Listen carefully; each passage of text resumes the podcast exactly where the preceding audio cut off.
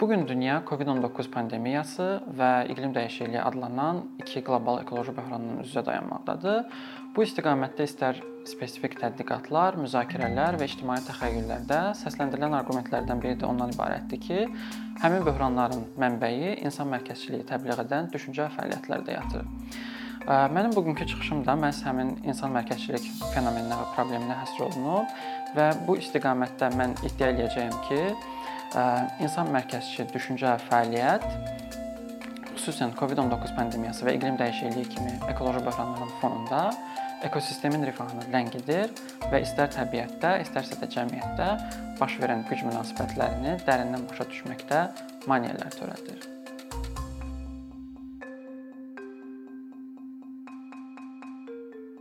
İlk öncə bunun üçün insan mərkəzçilik nədir? O həmin böhranlar kontekstində necə nəzərə çarpır?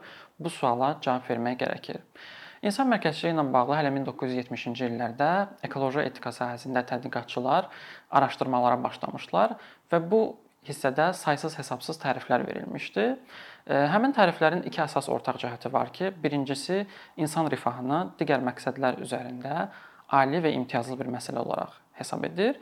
İkinci məsələ isə yalnız və yaxud da daha çox insanlar barəsində etik mülahisələrin ola bilməsi arqumentini irəli sürür. Yəni qeyri-insanlar barəsində etik diskussiyaların olması əhəmiyyətsizdir və yaxud da onlarla bağlı etik məsələlər periferik əhəmiyyətə sahibdirlər. Bu səbəbdən insan mərkəzçiliyi bir çox hallarda insan şovinizmi, növçülük və insan aliçiliyi kimi terminlərlə də sinonimləşdirmişlər. İnsan mərkəzçiliyinin özü həmçinin bir çox ekoloji etika sahəsindəki alimlər tərəfindən e, biosentrizm və ya ekosentrizm terminləri ilə qarşı-qarşıya tutulmuşdu. Belə ki, biosentrizm və ekosentrizm tərəfdarları qeyd edir ki, təkcə insanlar özünə məxsus dəyərlərə sahib deyil və ona görə də qeyri-insanlardan danışarkən də etik mülahisələrin aparılması və özünə məxsus dəyərlərlə bağlı müzakirələrin aparılması əhəmiyyətlidir. İnsan mərkəzçiliyin təsnifatına gəldikdə bununla bağlı Tim Haywardın təsnifatı ən əsas təsnifatlardan hesab olunur. Bu qruplaşmaya görə insan mərkəzçilik ya insanın öz növünə olan sevgisindən doğa bilər, ya da ki, insan maraqları səbəbindən digər növlərə qarşı diskriminasiyanı təbliğ edən düşüncənin formalaşmasından yarana bilər. Bu təsnifat həmçinin Brian Nortonun güclü və zəif antroposentrizm təsnifatına da çox oxşardır. Bəs bunlar hazırki ekoloji böhranlar kontekstində necə nəzərə çarpır? Bununla bağlı danışsaq, ümumiyyətlə bu gün iqlim dəyişikliyi ilə bağlı istər beynəlxalq təşkilatlar, istər milli hökumətlər, qeyri-hökumət təşkilatları və aktivistlərin diskursunda bu məsələyə biz tez-tez rast gələ bilərik. Artıq hamımıza alternativ enerji, iqlim maliyyələşdirmələri, təbiət əsaslı, o cümlədən texnologiya əsaslı həll yolları, karbon vergisi kimi terminlər daha tanış olmağa başlayıb. Lakin biz əgər həmin narrativlərə nəzər yetirsək, görərik ki, burdakı dominant diskurs insan həyatının artıq iqlim dəyişikliyindən təsirlənəcəyi və hətta bəzi diskurslarda insan nəslinin kəsiləcəyi ilə bağlı olan diskurslardır ki, burada artıq iqlim dəyişikliyinə qarşı mübarizədə əsas səbəb məhz insan həyatını qorumaqdır. Gəlin burada belə deyək ki, ali məqsəd insan həyatını qorumaqdır və burada iqlim dəyişikliyinə qarşı mübarizə və ekosistemi geniş anlamda qorumaq isə məhz bu məqsədə tabe etdirilmişdir. Yəni bu dediyimiz insan mərkəzçiliyin e, təriflərindən olan insan rifahının daha ali və imtiyazlı xarakter daşıması ilə əlaqədar olan bir arqumentdir. Bununla bağlı biz milli və beynəlxalq qanunvericiliklər və konvensiyalara nəzər salsaq, görərik ki, artıq həmin düşüncə həm də məcəlləşdirilmişdir. Məsələn, biz sağlam ətraf mühitdə yaşamaq hüququ adlanan e, insan hüququna rast gəlmişik. Bu öz özlüyündə bir insan hüququdur, qeyri-insanlara aid edilən bir hüquq deyil və onun təməl məqsədi insanların yaşayış hüququnu ə, icra etməsini asanlaşdırmaq üçün sağlam ətraf mühiti təmin etməkdir. Buna alternativ yanaşmalar da artıq formalaşmağa başlayır. Məsələn, Ekvadorda 2008-ci ildə konstitusiyaya düzəliş edilmişdi və təbiətin hüquqları məcəlləşdirilmişdi. Orda konstitusiyada təbiətin hüquqları öz yerini almışdı və artıq Ekvadorda hər bir şəxs özünə birbaşa E, iqlim dəyişikliyi və yaxud da təbiətə qarşı olan zorakılıq ona birbaşa təsir etməsə belə məhkəməyə bu məsələni apara bilər və təbiətə hörmətin pozulmasını məhkəmədə əsaslandıra bilmək hüququnu özündə daşıyır. Bunun kökləri artıq Ekvadordakı Keçua xalqının animist kosmologiyalarında, dünya görüşündədir ki, həmin dünya görüşlərində artıq şəxs anlayışı təkcə insanlara yox, həm də qeyri-insanlara aid olunur. Halbuki bu gün bizim hüquqi sistemimizdə fiziki və hüquqi şəxslərdən danışarkən bu anlayış daha çox insanlara aid edilmişdir. Bu barədə biz posthumanizmi haqqında danışanda bu barədə daha ətraflı qeydlər edəcəyəm. Biz bu nümunəni insanın öz növünə insanın öz növünə olan sevgisindən yaranan antroposentrizm kimi misal göstərmək olar ki, artıq burada insan növünün qorunması ilə ekoloji belə deyək, himayə diskursları bir-biri ilə bu səbəbdən iç-içə keçməyə başlamışdı. Amma bəzi diskurslar da var ki, məsələn, bunlara biz tibbi eksperimentlərin aparılması, heyvanlara qarşı fiziki zorakılıq kimi digər кейsləri misal göstərmək olar ki, artıq burada insanın öz növünə olan sevgisindən yox, spesifik insan maraqlarından dolayı digər növlərə qarşı diskriminasiyanın aparılması kontekstində görə bilərik. Və COVID-19 pandemiyası kontekstində də biz bu tipli nümunələrə rast gələ bilərik. Məsələn, COVID-19 pandemiyasında bir çox diskurslar həmin pandemiyanı kompleks struktural fenomen olaraq başa düşməkdənsə, onun hansı orqanizmdən insanlara gəlib çatdığına fokuslanmışdı və bu səbəbdən artıq e, spesifik heyvan növlərinin qarşı zorakılıq legitimləşdirilmişdi. Məsələn, İspaniyada bir müddət samurların e, kütləvi şəkildə e, onlara qarşı zorakılıq törədilməsi arqumenti ilə bağlı diskussiyalar aparılmışdı. Bunu biz artıq e, ikinci növ antroposentrizmə aid edə bilərik.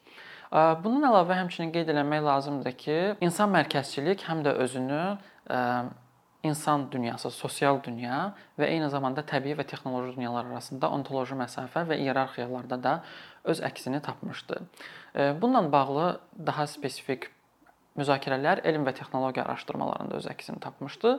Burada vaxtıkən iki əsas dominant yanaşma texnoloji determinizm və sosial determinizm olmuşdu. Texnoloji determinizm yanaşmasına görə cəmiyyətin strukturu və normaları texnologiyalar tərəfindən təsirlənir. Yəni burada xətti səbəb-nəticə əlaqəsi mövcuddur. Onun səbəb zəncirində texnologiya, nəticə zəncirində isə cəmiyyət dayanır.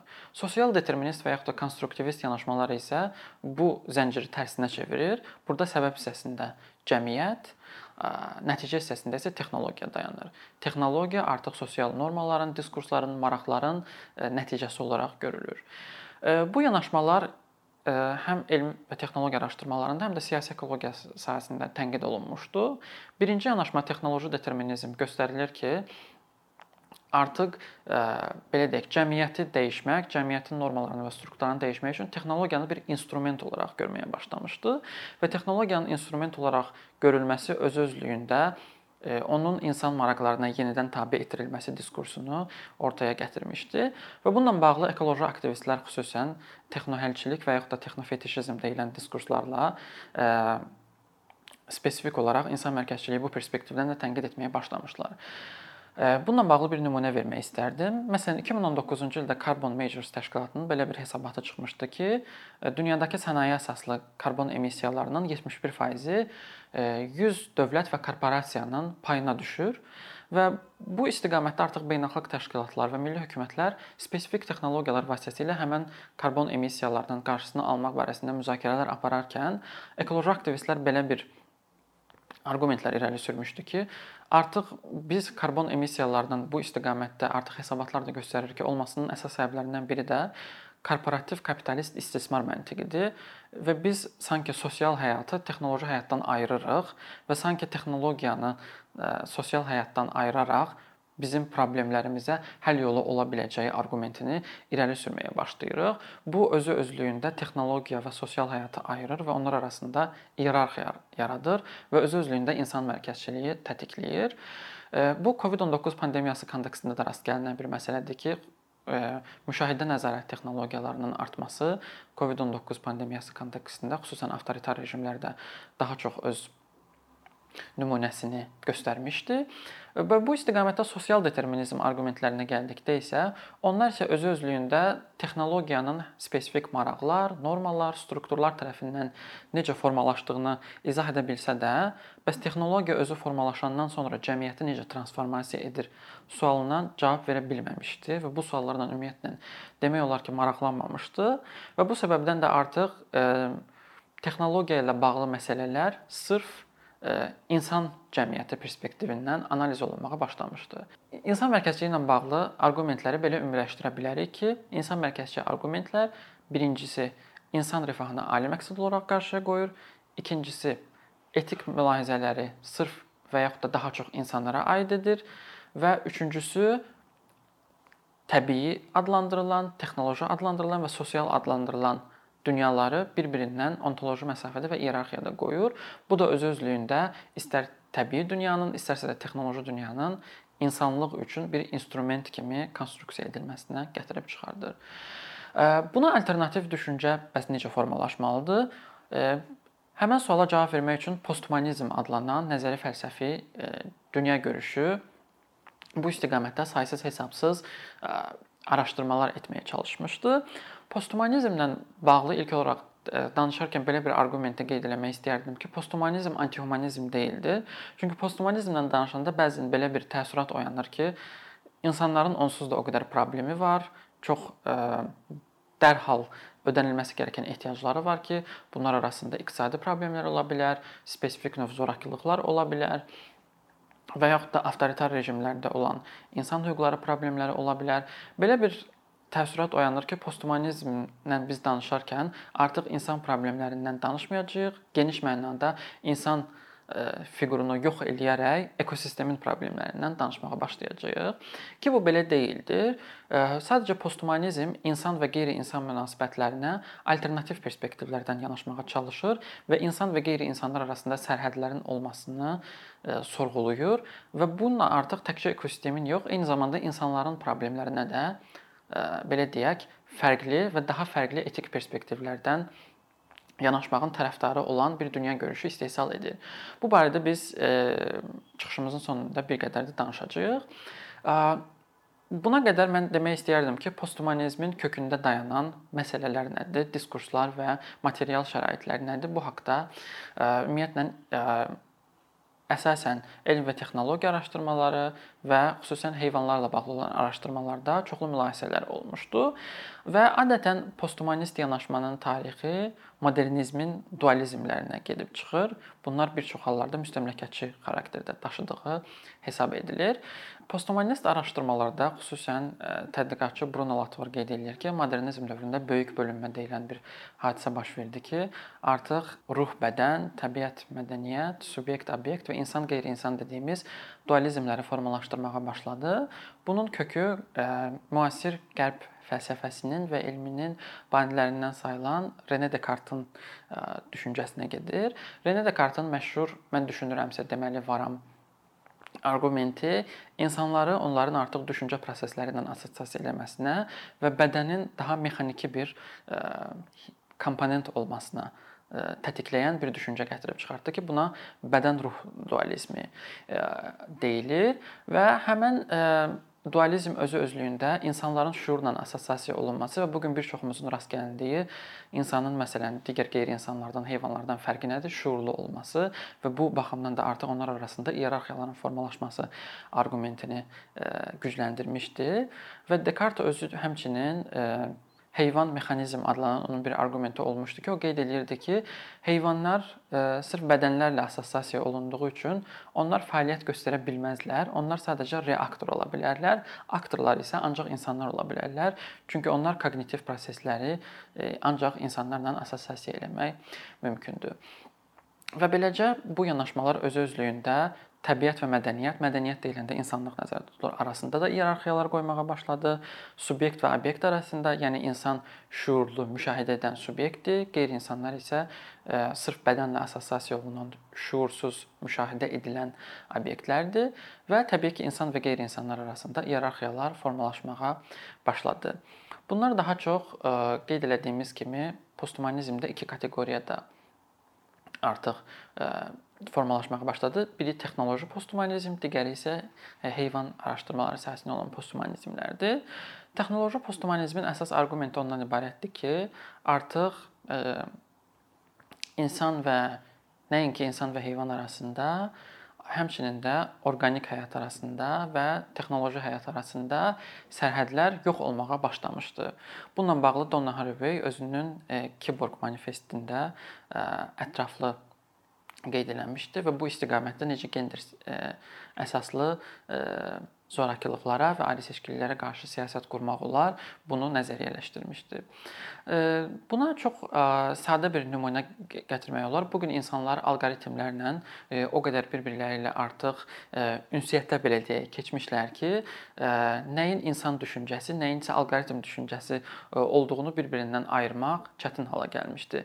Məsələn, biz hər hansı bir sosial şəbəkəyə daxil oluruq, bizim özümüzün hər hansı bir düşüncələri var. Məsələn, deyək ki, biz gender əsaslı zorakılıq mövzusu ilə maraqlanırıq və e, bizim artıq həmən sosial şəbəkə alqoritmləri ilə bölüşdüyümüz datalar vasitəsilə o da alqoritm də bizə qayıdır və öz özlüyündə müəyyən kontent təklif eləyir və artıq bir müddətdən sonra görürük ki, biz həmən alqoritmin ə, e, bizə təklif etdiyi düşüncələr, bizim düşüncə e, kontentlər bizim düşüncəmizin artıq ayrılmaz bir hissəsinə gətirib çıxartmışdı və biz artıq burada danışa bilmirik ki, hansı ayrıca insan düşüncəsidir, hansı ayrıca alqoritmin bizə e, belə deyək, təlqin etdiyi düşüncə formasıdır.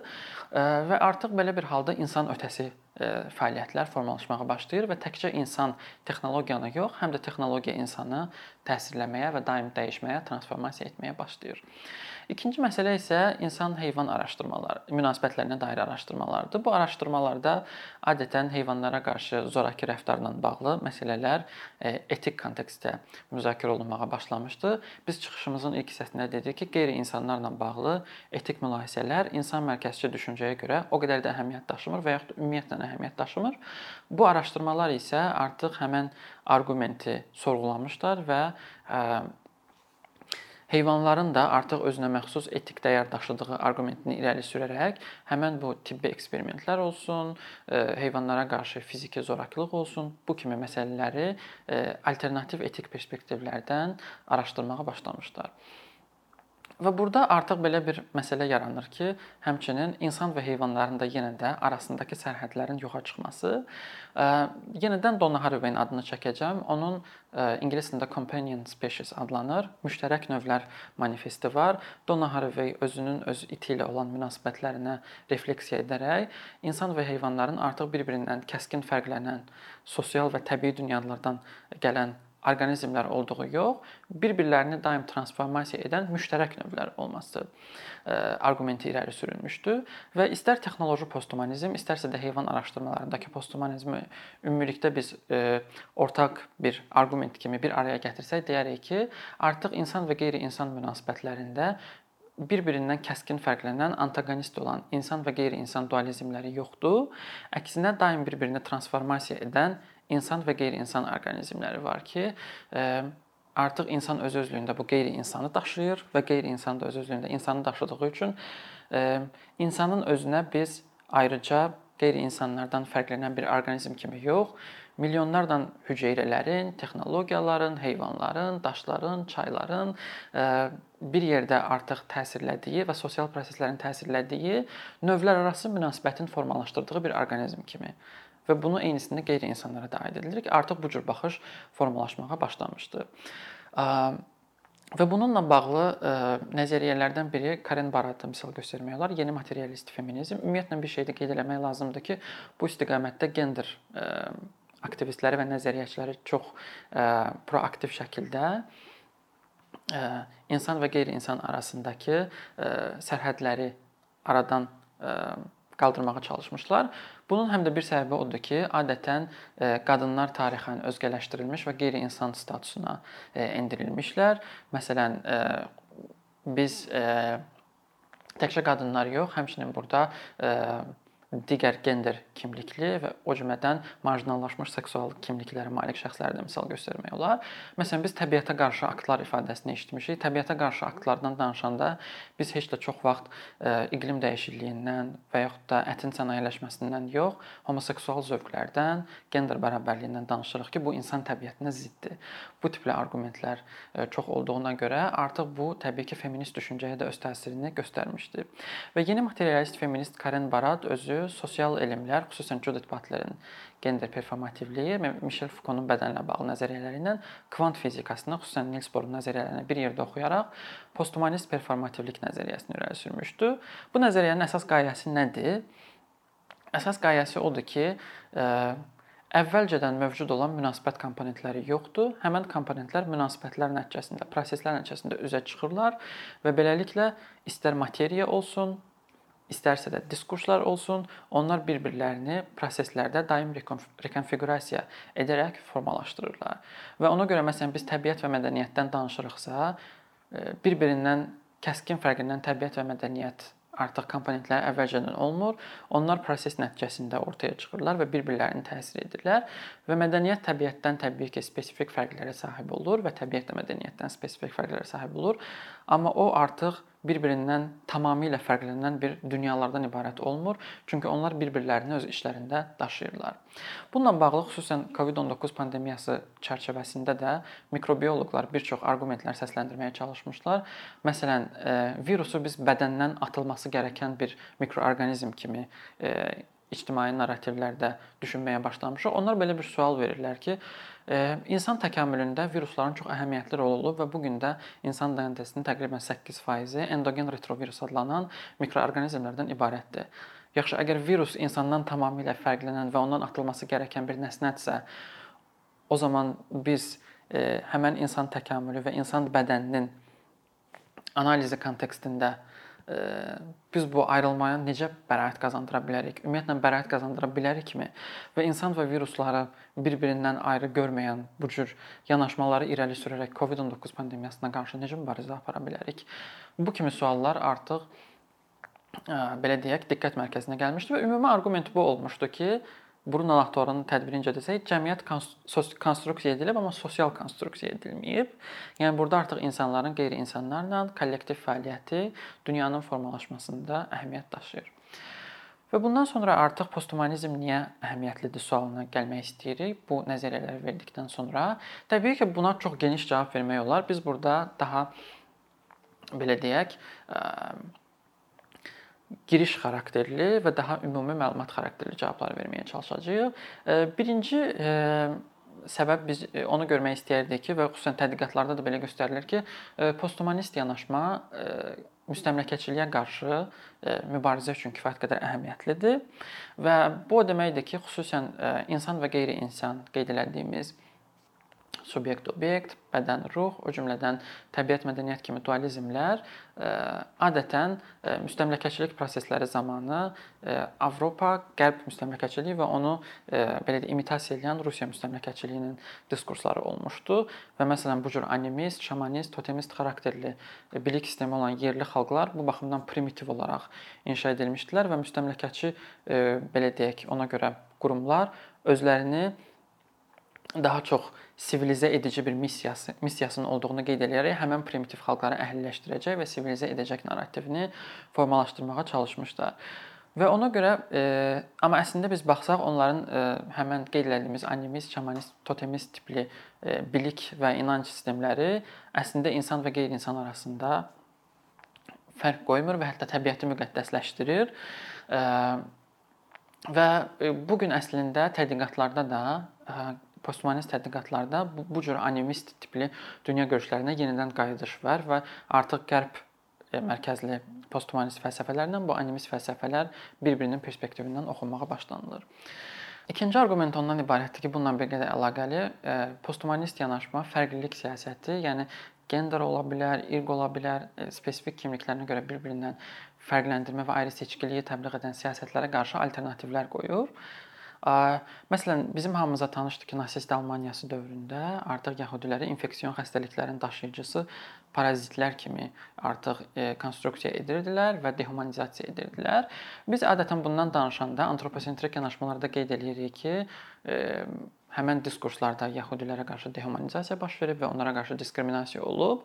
Amma posthumanist yanaşma ilə biz buna alternativ narrativ formalaşdıra bilərik. Artıq insanlarla mikroorqanizmlər arasında olan münasibətləri, yəni artıq tibbi diskursları da sorğulayaraq biz ə, e, alternativ bir ə, e, egalitarian bir təxəyyül formalaşdıra bilərik və ə, e, son olaraq insan və qeyri-insan anlayışlarını sorğuladığımız üçün və insan və qeyri-insan anlayışları daha kollektiv görünməyə başlanıb, individual olaraq yox. Bu isə artıq bizim bir-birimizə olan kollektiv öhdəçiliyimizdən gətirib çıxardır. Məsələn, COVID-19 pandemiyası kontekstində bir çox qruplar ə, spesifik olaraq yalnız və yalnız individual hüquqlara fokuslanıb qeyd eləyirlər ki, bizim bədənsəl bütövlüyümüz pozulmamalıdır. Vaksinasiya və sair kimi proseslər nəticəsində məsələn bu proseslər artıq posthumanist perspektivdən baxıldıqda bizim bir-birimizə olan kollektiv məsuliyyətimizin olduğunu inkar edən bir diskurslardır və məhz bu baxımdan posthumanist yanaşmalar əhəmiyyətlidir. Və son olaraq posthumanizm artıq materiyanın və diskursunda bir-birinə transformasiya etdiyi arqumentini irəli gətirərək bizim artıq güc münasibətlərini fərqli perspektivdən anlamağımıza önəm verir. Əslində bunu biz danışırıq posthumanizmi bir gələcəkdə olan bir hadisə kimi yox, artıq baş verən bir hadisələrdir. Məsələn, Dağlıq Qarabağ münaqişəsindən bizə dronlar tanışdı.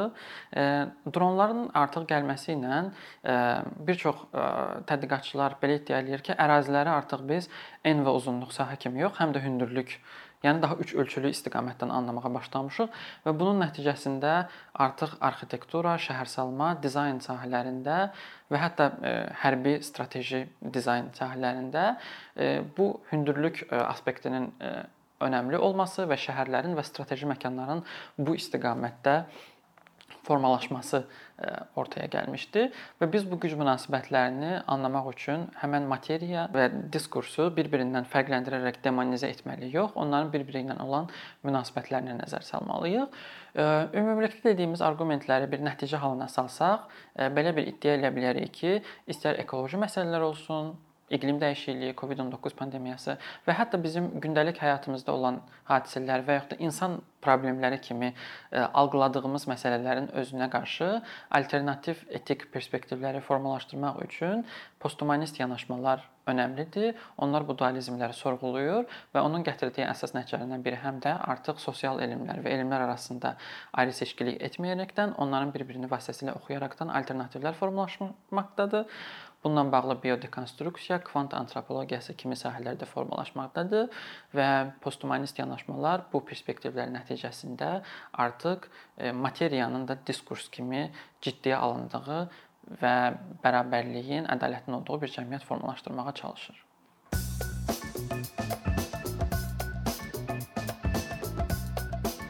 Bir neçə ildir ki, əkinçi olaraq Azərbaycanlı izləyicilərin hər zaman faydalana biləcəyi keyfiyyətli və ən əsas ödənişsiz kontent hazırlamağa çalışırıq. İndiyədək təqdim etdiyimiz onlarla animasiya və yüzlərlə çəkilişlər tələbələrin, mütəxəssislərin, müəllimlərin və ümumiyyətlə yeni mövzulardan xəbərdar olmaq istəyən çox sayda insanın marağına səbəb olub.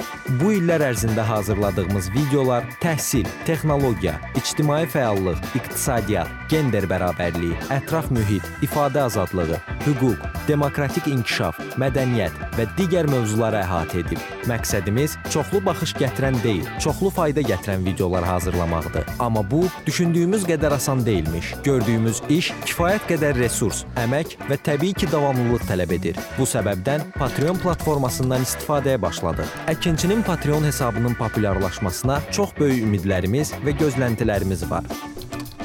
Bəziləriniz Patreon haqqında ilk dəfə eşidirsiniz. Əslində çox sadə izahı olan bir platformadır. Təsəvvür edin ki, siz rəssam və ya musiqiçisiz. Sosial şəbəkələrdə sizi izləyən, işinizi bəyənən çox sayda insan var. Patreon platforması sizə imkan verir ki, izləyicilərinizin könüllü aylıq ödənişləri sayəsində işinizi davam etdirəsiz. Sərgi, konsert zallarından asılı qalmayasınız.